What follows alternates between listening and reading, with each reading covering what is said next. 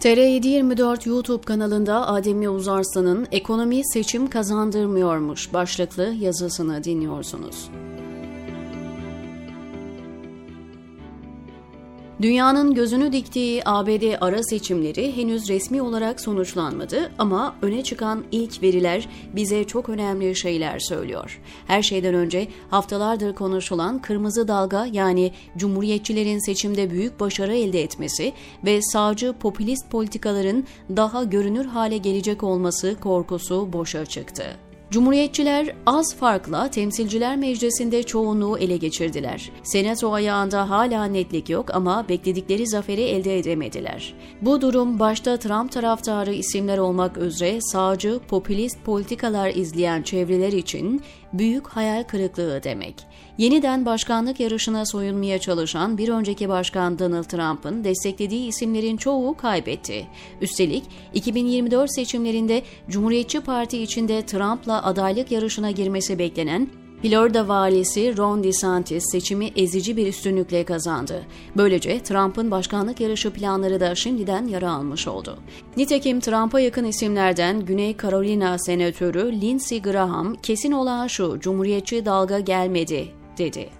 Bir önceki başkanlık seçimlerinde olduğu gibi düğüm yine Pensilvanya'daydı. Trump'ın desteklediği Doktor Mehmet Öz geriden geldiği yarışta farkı kapatmıştı ama sandık sonuçları beklediği gibi olmadı ve demokrat rakibine kaybetti.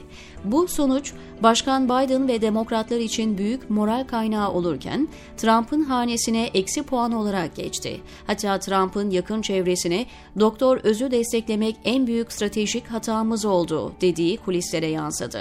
Kampanya süresince seçimin kaderi bir Türk'ün elinde yorumları yapılıyordu. Sandık sonuçlarına göre bu yorum çok da haksız sayılmaz. Çünkü Doktor Öz'ün kaybetmesi Biden'a adeta hayat öpücüğü oldu. Kesin sonuçların alınması zaman alacak çünkü Georgia eyaletinde seçim 6 Aralık'ta tekrar edilecek. Ancak şu anki sonuçlara göre Temsilciler Meclisi Cumhuriyetçilerde, Senato Demokratlarda kalacak gözüküyor. Bu durum Biden için kötünün iyisi. Çünkü son anketlere göre her iki kanadı da kaybetmesi ihtimal dahilindeydi.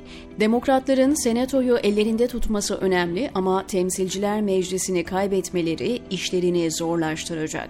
Çünkü Temsilciler Meclisi Başkanı değişecek, komisyonlar yeniden oluşturulacak. Biden'ın geride kalan iki yılı muhalefetin baskısıyla geçecek. Senato'nun 35, Temsilciler Meclisi'nin 435 üyesinin ve 30 kadar eyalette valilerin seçildiği dünkü ara seçimler birçok ilkleri de beraberinde getirdi. Başta Başkan Biden olmak üzere genellikle yaşlı siyasilerin boy gösterdiği parlamentoya ilk kez 25 yaşında bir isim seçildi.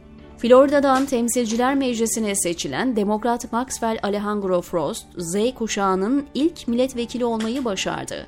Frost, Uber şoförlüğü yaparak geçinen bir isim ve sosyal adalet eylemlerinin önde gelen simalarından. Bir diğer ilkse önemli eyaletlerden Maryland'e siyahi vali seçilmesi oldu. Demokrat Wismore eyalet tarihinin ilk siyahi valisi olurken ABD tarihinin de üçüncü siyahi valisi oldu. Massachusetts eyaletinde ise ilk kez bir kadın vali olmayı başardı. Demokrat Partili Mura Haley aynı zamanda eşcinsel kimliğini ön planda tutan bir isimdi. Arkansas ve New York'ta da ilk kadın valiler, Alabama'da da ilk kadın senatör ipi göğüsledi. Ayrıca Demokrat Partili Alex Padilla da Kaliforniya'dan seçilen ilk Latin kökenli senatör oldu. Peki bu sonuçlar ne anlama geliyor? Seçimlerin Türkiye-ABD ilişkilerine etkisi olur mu?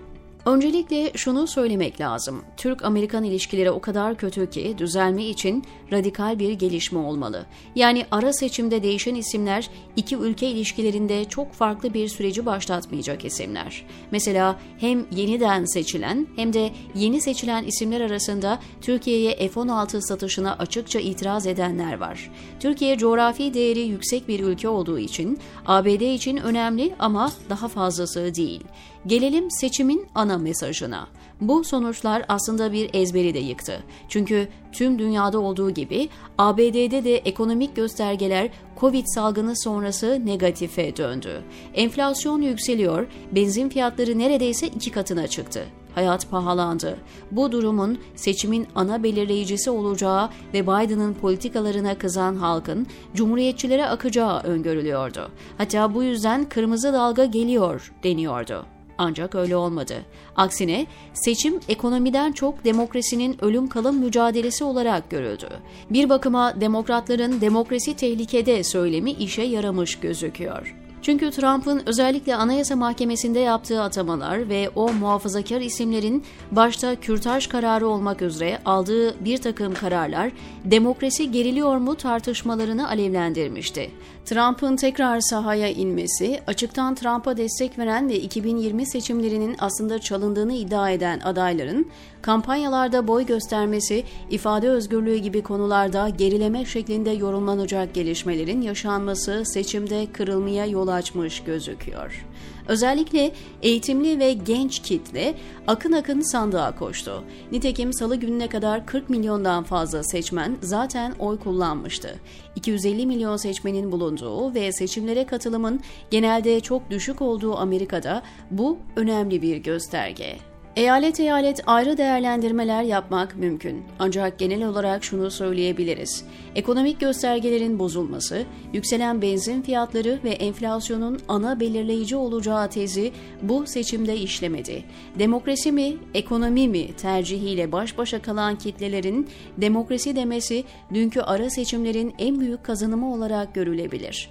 Bu durum Brezilya'da sağcı popülist Bolsonaro'nun kaybetmesinden sonra gelen umut verici ikinci ikinci olay olarak değerlendirilebilir, diyor Adem Yavuz Arslan TR724'deki köşesinde.